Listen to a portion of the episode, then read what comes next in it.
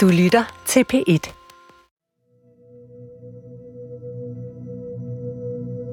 Det er den 3. juni 1983. I salen sidder 167 mænd og kvinder og skal til at stemme.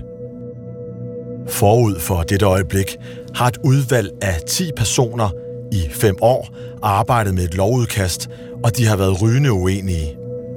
Og i Folketinget er der foregået et politisk spil, som er kommet bag på justitsministeren og gjort ham rasende. Da MF'erne har trykket på deres knapper, er der ingen tvivl om udfaldet. Den store lystavle i tinget viser 155 stemmer for og blot 12 imod.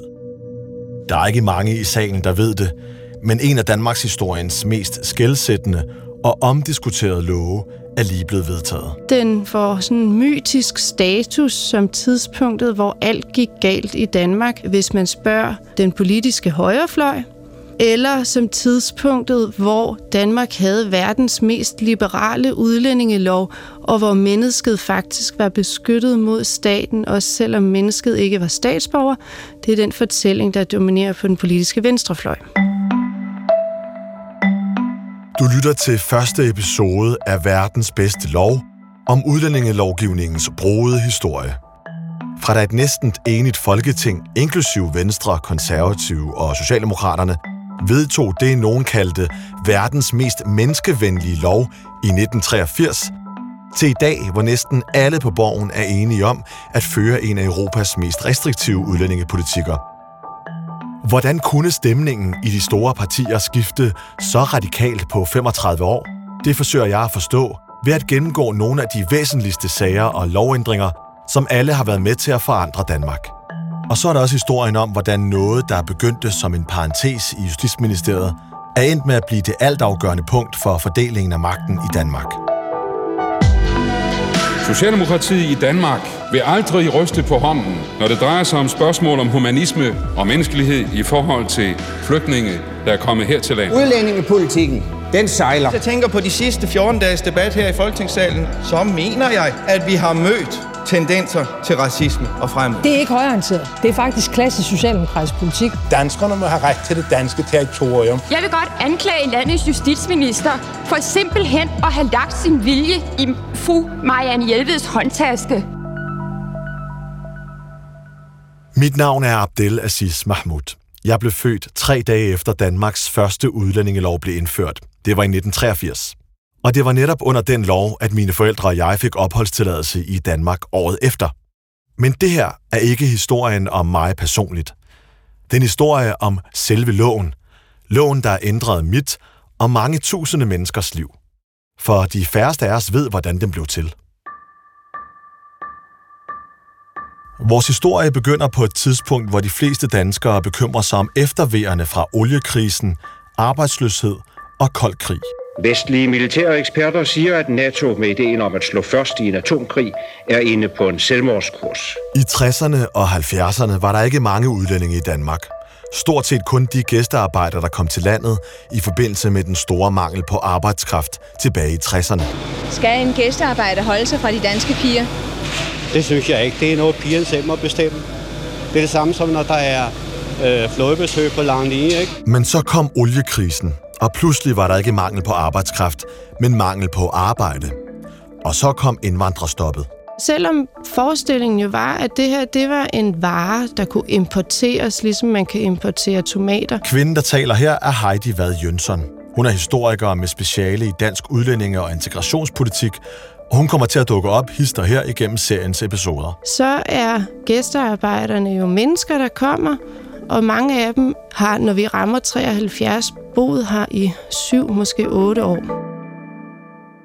På det her tidspunkt bliver alle udlændingesager afgjort individuelt i Justitsministeriet, uanset hvad det drejer sig om. Og på den måde kan den siddende justitsminister derfor principielt udvise udlændinge og give opholdstilladelser nogenlunde som det passer ham. For der findes ikke lovfaste regler om, hvad staten må og ikke må. Så det er egentlig en meget lemfældig praksis, der er på det tidspunkt. Og især en uheldig udvisningssag bliver afgørende. Det er ikke sket siden retsopgøret efter den tyske besættelse, at vi har udvist et menneske, der har levet her så længe uden dom. Det er en enkelt sag om en mand, en meksikansk statsborger, som bliver mistænkt for terrorvirksomhed, og så bliver han fanget, og så bliver han udvist, og har ikke mulighed for at anke udvisningen. Han havde boet i Danmark i 6-7 år. Er det rimeligt, at han alene på baggrund af mistanke om at planlægge et eller andet, kan udvises? Nej, det er det ikke, siger den politiske venstrefløj, Venstresocialisterne og, og Socialistisk Folkeparti. Og derfor er det pinligt, at der ikke bliver en retssag. Og da pressen også kaster sig ind i Mexikanersagen, er den socialdemokratiske regering i slutningen af 70'erne presset til at nedsætte et udvalg til at kigge på, hvordan en tidsvarende udlændingelov kunne formuleres. Pressen øh, elsker jo sager, hvor myndighederne mishandler udlændinge. Det her er Anders Trollborg, der dengang var kontorchef for den afdeling i Justitsministeriet, der havde med udlændinge at gøre. Og derfor så havde vi ofte enkeltsager op i pressen, hvor det hvis der var børn, eller en veludseende kvinde, eller noget andet, som blev meget kritiseret, og dermed øh, jo et stort problem for ministeren. Og det var faktisk under en folketingsdebat, at justitsministeren lovede at nedsætte et udvalg, der skulle se nærmere på området og komme med forslag til en ny lov, der kan regulere området. Så i 1977 bliver der altså nedsat det her 10 mand store udvalg, og der skal laves et udkast til en lov. En lov, hvor der sort på hvidt skal stå, hvad udlændinge, både flygtninge og gæstearbejdere, lige fra svenskere til tamiler, har ret til og krav på. I udvalget er der en repræsentant fra Udenrigsministeriet, Socialministeriet, Arbejdsministeriet, Rigspolitiet, Tilsynet med udlændinge, Advokatrådet og vigtigst i forhold til vores historie, Anders Trollborg, der er afdelingschef i Justitsministeriet, og formanden for Dansk Flytningehjælp, Hans Gammeltoft Hansen. Afstanden mellem synspunkterne i udvalget var jo betydeligt større, øh, end øh, jeg sådan set havde håbet på og regnet med. Flygtningehjælpens Hans Gammeltoft Hansen er en meget vigtig person i denne her historie. Han er en beleven mand med et imponerende CV allerede dengang. Professor i jura, formand for Dansk Flygtningehjælp og senere også Folketingets ombudsmand. Han er en del af det, vi kommer til at høre beskrevet som mindretallet i udvalget. Og så er der Anders Trollborg. Han har på det her tidspunkt arbejdet sig op igennem Justitsministeriets embedsværk og er blevet kontorchef, der hvor udlændingesager behandles. Og Anders Trollborg er en del af flertallet i udvalget. Det er altså en skarp kritiker af systemet, Flytningehjælpens Gammeltoft Hansen, over for systemets mand, Justitsministeriets Trollborg. Og Anders Trollborg forstod slet ikke, hvorfor Dansk Flytningehjælp overhovedet var blevet inviteret med i udvalget. Det var en, en lobbyvirksomhed for flygtninge, og de levede i høj grad af flygtninge, selvom jeg øh, kunne indrømme, at, at mange af dem også havde et stærkt idealistisk syn på, på tingene der. Men det, der var afgørende, var, at Flygtningehjælpens mange organisationer var kolossalt med i den her proces. Og disse 12 medlemsorganisationer, som jo gik fra Røde Kors til Danske Kvinders Nationalråd og Mellemfolkelig Samvirke osv., hvis man lagde alle deres medlemmer sammen, så havde vi 12 millioner danske medlemmer. Det var jo ret forbløffende, når der kun var 5 millioner indbyggere.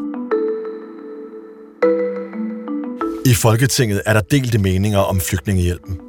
Venstrefløjen støtter organisationen helhjertet, men især Fremskridspartiet foragter dem. Uanset hvad, så er Dansk Flygtningehjælp med i udvalget, og hans Gammeltoft fylder meget. På trods af det kommer Gammeltofts forslag dog konstant i mindretal. Gammeltoft personligt, ham har jeg altid øh, haft det helt godt med. Jeg kan godt lide. Men øh, han var alt for lidt kompromisvillig, synes jeg. Jeg var egentlig på mange måder meget indstillet på at prøve at indgå kompromiser. Kompromiser, hvor man altså fandt nogle mellemløsninger med et nyere udtryk, at vi altså fik sat nogle fingeraftryk på det. Der var sådan set øh, en positiv vilje på begge sider på at prøve at finde øh, nogle formuleringer, som vi kunne leve med. Og det ved der dog også fundet på mange områder, men ikke på de væsentlige. Der var ikke sådan den store tilbøjelighed til at indgå den slags kompromiser hos øh, det store flertal det er så grove løjer. Så det passer ikke. Det er svært at sige, hvem der i virkeligheden ikke ville forhandle med hvem. Men meget af uenigheden handler om to ord, og hvilket af dem, der skal stå i loven. Historiker Heidi Vad Jønsson. Det ene ord, der deler vandene, det er kan eller skal. Er det sådan, at man som udlænding kan få opholdstilladelse, eller er det noget, man skal have? Skal det være et retskrav? Det hele bunder i, hvor nemt eller svært det skal være at få opholdstilladelse, familiesamføring eller blive udvist. Og vi var faktisk øh, i gang med at lave nogle kompromiser på de her områder også. Og da vi så havde forhandlet dem sådan, ikke rigtig på plads, men sådan i store træk, så vil de alligevel dissentere med, efter min mening, meget vidtgående forslag. Så sagde vi, hør her, hvis jeg hopper ud af de her kompromiser, og bagefter dissenterer, så falder det sammen. Så holder vi fast i vores oprindelige forslag. At dissentere eller at afgive dissens betyder, at man har en anden holdning, og i det her tilfælde vil mindretallet i udvalget gerne have skrevet en alternativ version af loven ned. Formand for Dansk Flytningehjælp, Hans Gammeltoft Hansen på et tidspunkt så tog jeg den beslutning, og det var advokatrådets repræsentant og Socialministeriets indvandrerkonsulent, det var de enige i, at så måtte vi på disse principielle og vigtige punkter, at så måtte vi afgive dissens. Og det blev så efterhånden til temmelig mange dissenser, sådan så da betænkningen kom, så var der på en lang række og ret væsentlige punkter, så var der i virkeligheden to forskellige forslag. Og det var helt klart Gammeltoft, der bannerfører, de andre var sådan mere eller mindre medløbere. Der er gode grunde til, at de er uenige. Det handler om politikernes mulighed for at styre antallet af udlændinge i Danmark.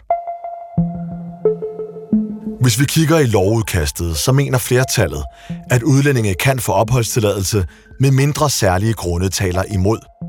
Altså et lille smuthul, som giver systemet mulighed for at afvise udlændinge i visse tilfælde. I mindretallets bud på loven er der ingen smutvej til at afvise folk på grund af nogen særlige grunde.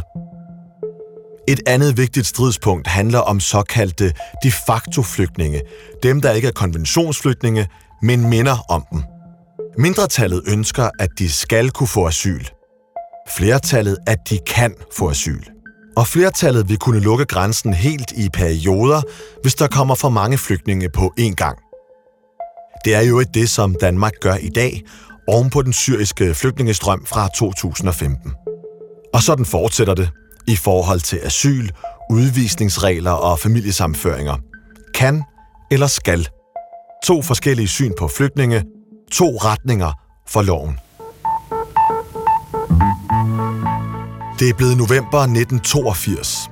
Konservative Poul Slytter er blevet statsminister, og udvalget må altså aflevere en betænkning med reelt set to lovforslag til justitsminister Erik Nien Hansen. Flertallets stramme version og mindretallets lempelige version. Men det er ikke noget, der bekymrer udvalgsflertallet, som jo blandt andet består af folk, der arbejder i Justitsministeriet. De regner med, at det bliver en formsag at få deres lovudkast igennem Folketinget og mindretallets version bliver mere regnet som et principielt statement end et lovudkast. Jeg, jeg kan ikke forestille mig, at de troede, skulle gå igennem. Jeg i hvert fald havde kun et, et håndelig smil til over, fordi det er til sensor. Jeg nævnte det meget hurtigt for ministeren, ikke? Og så sagde han, de der, det... Jeg var ret sikker på, at det uden videre blev vedtaget. Ja. Men så begynder det politiske spil. Justitsminister Erik Nien Hansens forslag til en ny udlændingelov blev positivt modtaget i Folketinget i dag. Selvom flere ordfører var stemt for en mildere linje, blandt andet i udvisningssager end ministeren, var der dog et klart flertal for en ny udlændingelov. Ja, det blev godt modtaget, at Danmark skulle have en ny udlændingelov, da justitsministeren i februar 1983 fremlægger flertallets lovforslag – men det vi kan høre her er faktisk, at justitsministeren allerede er i modvind. Noget overraskende opstår der hurtigt en ret massiv kritik af det stramme lovforslag, også fra den borgerlige del af Folketinget. Flere mener, at Gammeltoft Hansen spillede en vigtig rolle her. Der blev talt meget om, hvilken indflydelse Dansk Flygtningehjælp og, og for så vidt jeg selv havde omkring tilblivelsen af loven? Jeg, jeg tror øh, i høj grad, det skyldes øh, uh, Gammeltofts øh, lobbyvirksomhed. Og han gik jo over i, i Folketinget og talte med partierne, sådan, hvordan de skulle gøre, og hvad han synes og sådan. Mens øh, jeg jo og andre i udvalget ikke, ikke mener, at vi kunne gå i Folketinget og snakke med nogle af dem derovre. Det ville vi snakker med ministeren og ikke med andre. Vist var der da tale om en lobbyvirksomhed. Det var jo en del af Dansk Flygtningehjælps opgave at prøve at påvirke det politiske miljø. Men det er noget utroligt vrøvl, når jeg engang imellem har, har set nogen hævde, at det sådan var, var mig personligt, som sørgede for det. Så man kan ikke som enkelt person uden forstående overbevise et flertal i Folketinget. I Fremskridtspartiet var de også stærkt utilfredse med Gammeltofts påståede korridorsnakke. Han lobbyede i, al, i allerhøjeste grad det gjorde han sandt for døden. Og han må jo have været en umådelig stærk person. Det må man jo så lade ham, at det lykkedes for ham at få så mange med på en øh, lovgivning, som for mig at se var katastrofal. Det her er Pia Kærsgaard. Hun kom først ind i Folketinget året efter vedtagelsen af loven, som suppleant for Måns Glistrup, der var i fængsel for skattesvig. Men hun har været en af de mest højlytte kritikere af udlændingeloven fra 1983. En ting er, at man tager forskellige, det synes jeg bestemt er godt, tager organisationer og så videre med på råd, når man laver øh, lovgivning. Men stadigvæk så vil jeg sige, at det er politikerne, og det vil jeg fastholde, der har hovedansvaret. Det var Erik Nina Hansen af alle, der var justitsminister. De kunne have sagt fra, men det gjorde de jo ikke. Nej, det gjorde de ikke, for den udlændingelov, der kom til afstemning i Folketingssalen 3. juni 1983, var i det store hele mindretallets lempelige udkast. Og den stemmer alle partier for på nær Fremskridspartiet. Justitsministeren var rystet og mildest talt rasende, også selvom hans eget parti, og det vil sige han selv, havde stemt for loven. Nej, han blev ret sur. Det gjorde han. Han mente, det var vanvittigt, men vi synes, det var alt for vidtgående øh, og farligt for landet. Men øh, det var der forskellige meninger Det interessante i dag er naturligvis, hvordan det kunne lade sig gøre, at den lov blev stemt igennem. Det er simpelthen fuldstændig umuligt at forestille sig, at nogle af de her partier gør det samme i dag, hvor lovgivningen er blevet langt, langt strammere, end nogle af partierne dengang kunne drømme om. Så hvordan kunne Venstre og Konservative stemme for sådan en lov dengang? Det var der flere grunde til. For det første var vælgerne slet ikke optaget af det her emne. Der var også kun 60.000 udlændinge i landet i 1983. Det var ikke sådan, så det var noget, vælgerne satte kryds efter. Overhovedet ikke. Det, der blev prioriteret, det var der i højere grad fordelingspolitikken og den høje arbejdsløshed, og hvorvidt udlændingeloven den var baseret på, om, om man kan eller skal have en opholdstilladelse. Det var altså ikke det helt store afgørende spørgsmål, og slet ikke noget spørgsmål, som Slytterregeringen ville risikere at kunne blive væltet på. For det andet er der den parlamentariske situation at tage hensyn til. Slytters konservative mindretalsregering blev nødt til at samarbejde med de radikale, som ønskede en human udlændingelov. Her Hans Engel, der var konservativ minister i den daværende regering. Situationen på det her tidspunkt er, at Poul Slytter har dannet sin firkløver regering. Og den regering er kun kommet til verden, fordi det radikale venstre har besluttet sig for ikke længere at støtte Anker Jørgensen og Socialdemokratiet, men er klar til at øh, bakke op, være parlamentarisk grundlag for en borgerlig regering. Men på to områder har de radikale en helt anden politik, end det de andre øh, partier står for. Det forsvarspolitiske, øh, sikkerhedspolitikken, og så er det på øh, udlændingepolitikken. Og man kan så sige, at jeg har så været den, jeg har været den heldige, meget, meget heldige situation, at jeg fik lov til at være minister i over otte år, lige præcis for de to områder, som var, som var under det hårdeste pres, under det hårdeste krydspres. Fordi vi jo på den ene side skulle have orden i de borgerlige rækker, og på den anden side, så skulle vi jo altså også have de radikale med. Så forklaringen er den meget enkle, at hvis regeringen vil være regering, så er den nødt til på nogle af de her områder at acceptere de nederlag, der består i at støtte en politik, acceptere nogle nederlag, til trods for, at øh, regeringen sådan set hellere ville noget andet. Eller i hvert fald dele af den. For både hos de konservative og hos Venstre er der folk, der helhjertet støtter mindretallets lempelige forslag til udlændingeloven. Og det vil at mærke folk, som man lytter til i partierne. For eksempel de konservatives gruppeformand Knud Østergaard. Knud Østergaard øh, var jo en meget, meget stærk gruppeformand i, i de her år. Knud var officer af den gamle skole, Oberst, Øh, vi kaldte ham Obersten. Kæftrit og retning. Der var ikke noget der. Men Knud Østergaard var også præget af, at han øh, under krigen øh, havde været aktiv i den danske modstandsbevægelse. Han blev taget til fange af tyskerne. De øh, mishandlede ham. Han havde altid sådan krumme fingre, efter at have været udsat for, for tortur. Så Knud Østergaard var, uanset hans øh, i øvrigt meget stringente holdning på alt, hvad der hed forsvar og værdipolitik, vil man sige i dag, det udtryk vil han ikke selv bruge, altså det var Gud, konge og fædreland. Ikke? Og han havde helt klart den opfattelse, at det konservative folkeparti aldrig nogensinde måtte gå ind i en konkurrence om at overbyde på udlændingeområdet. Vi har en diskussion, og vi har flere diskussioner i, i gruppen, og der øh, nedlægger Østergaard så nærmest et veto og siger, at det der, det vil han simpelthen ikke høre på. Det konservative folkeparti befandt sig ikke der i udlændingedebatten, hvor i hvert fald nogen gerne vil have partiet skulle, øh, øh skulle være. Med andre ord, Glem alt om at indføre stramme regler for flygtninge i Danmark. Det, jeg siger om de konservative her, galt jo også i udpræget grad for, for, for Venstre, og det har vi jo også kunne se gennem årene. Frem til i dag, der har du forskellige øh, strømninger i partierne, øh, i de borgerlige partier, at øh, øh, især hos Venstre og konservative, øh, hvor forskellen på den rigtige strammerfløj og den modsatte del, øh, den er meget stor. Bjørn Elmqvist, der på det her tidspunkt sad i Folketinget for Venstre, beskriver de konservatives problem sådan her. Glistrup var jo dengang øh, langt, langt frem i skoen, og det betød jo så, at øh, de pæne slipseklædte konservative repræsentanter, de havde lidt svært ved at springe på samme for sprogbrug, øh, og, og, og måtte så allerede derfor lade være med at indtage de samme positioner som øh, de her fremskridtsfolk. Elmqvist var en af dem i Venstre, der arbejdede hårdt for den meget lempelige udgave af udlændingeloven. Men hvordan kunne han få resten af folketingsgruppen over på sin side? Ja, hvorfor kunne jeg egentlig slippe afsted med at få Venstres folketingsgruppe, hvor der var mange reaktionære, kalder jeg dem den dag i dag, øh, dybt konservative, som ikke var liberale, synes jeg. Hvordan kunne jeg få dem med på den her? Jo, det kunne jeg, fordi de så det i øst-vest-optikken fordi de måske var koldkrigere, og fordi de var i den grad optændt af at kæmpe for den vestlige verden. Flygtninge. Det var nogen, der var på flugt for undertrykkelsen bag jerntiden.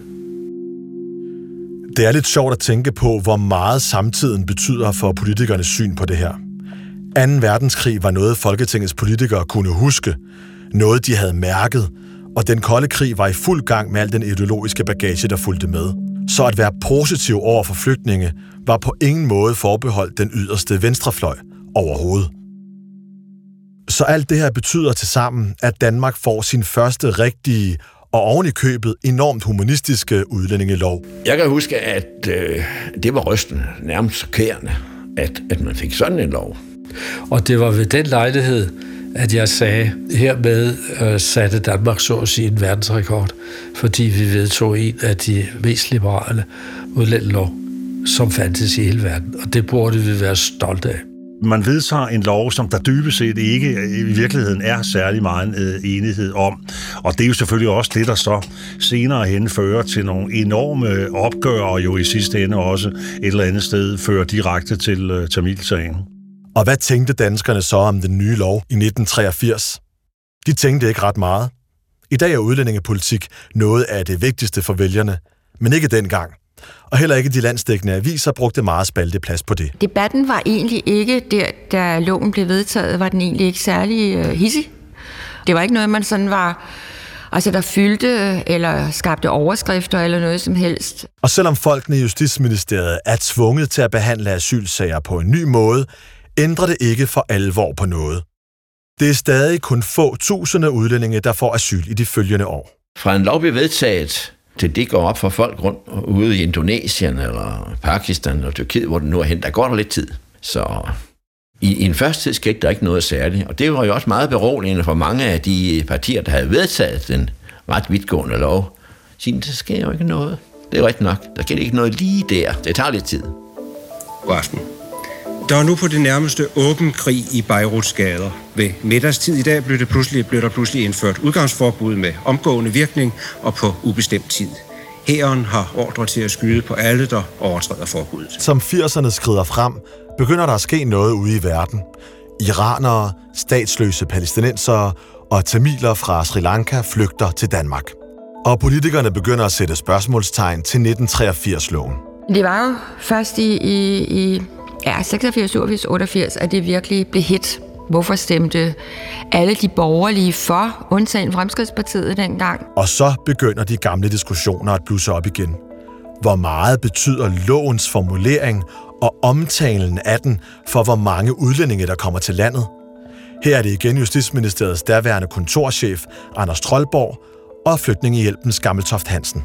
Vi kunne jo se, at øh, for eksempel den nye formand for Dansk Flygtningehjælp, der efterfulgte Gammeltoft, han sagde, at det var verdens mest liberale udlændingelov. Faktisk brugte han ordet menneskevenlige. Det er jo ikke godt at gå og reklamere med det rundt i verden, for straks er der nogen, der tænker, åh, så er det måske lettere at komme ind der end andre steder. Det er efter min mening helt åbenbart forkert, den påstand, at det var nok fordi, man nu havde vedtaget den her såkaldt meget liberale udlændingelov. Og det er det allerede og indlysende den grund, at når man så i de samme år rundt omkring i de andre europæiske lande, vesteuropæiske lande, så skete der jo nøjagtigt den samme tilstrømning og forøgelse der, og derfor flere vesteuropæiske landes vedkommende i betydeligt større omfang, end det vi oplevede her i Danmark. Med det højere antal udlændinge i landet begynder den flygtningepositive folkestemning, som muligvis var der i 1983, nu at blive afløst af tydelig utilfredshed flere steder. På Kysthospitalet nær Kalumborg, hvor mere end 250 flygtninge venter på at få asyl, blev der i morges kastet en benzinbombe ind gennem et vindue. Anders Trollborg husker tilbage på sin tid i Justitsministeriet med blandede følelser. Det var jo altså vanskeligt område at have med at gøre.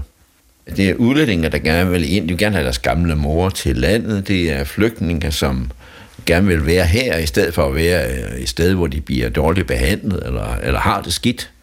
Og, og hver gang så ens, så er ens øh, forpligtelse eller arbejde, det er jo meget tit at sige nej. Øh, og det, øh, det er ikke let, det er svært. Kun en gang imellem kan man sige ja og være glad. Det er jo meget mere behageligt. Men jeg tror, at øh, i vidt omfang, så har øh, udlændingesagerne været henlagt til Justitsministeriet, fordi Justitsministeriet var et sted, hvor man fulgte reglerne. Loven. Og ikke sagde, åh nej, skal vi jo ikke sige nej, nu siger vi ja alligevel, ikke? Nej, de fulgte reglerne. Og det kunne man være sikker på, at det gjorde de. Og derfor lå det der. Det, der bare viser sig i løbet af slut 80'erne, er, at Justitsministeriet ikke altid overholder udlændingeloven. Og når et ministerium bryder loven, kan det ende ganske alvorligt. Og det gør det da også, da Tamilsagen begynder at rulle. Der er ikke fejret noget ind under gulvtæppet. Her kommer en del af personerne fra denne her episode til at spille afgørende roller på ny. Hans Gammeltoft Hansen, den tidligere formand for Dansk Flytninghjælp, ham som hele Fremskridspartiet og ikke mindst justitsminister Erik Nien Hansen foragter, manden, der beskyldes for at have lobbyet en alt for vidtgående udlændingelov ned over hovedet på danskerne, han af alle bliver i 1987 udnævnt som ombudsmand, ham der skal holde øje med politikerne. Og det ender naturligvis drabeligt, da han går ind i en sag om familiesammenføringer, som Nin Hansen står bag. Det var to floratfægtere, og det handlede om at stikke floraten ind, men det foregik nobelt. De havde pænt hvidt tøj på, og det hele var... Der var ikke noget i formen, man kunne kritisere. Næste afsnit handler om Tamilsagen. Du har lyttet til første afsnit af P1-serie om udlændingelovens historie. Oscar Bundgaard har researchet, musikken er kombineret af Nils Malte Lundsgaard, som også har mixet, Emil Rothstein Christensen har produceret serien, redaktør er Rune Spar Gertsen, og jeg hedder Abdelaziz Mahmoud.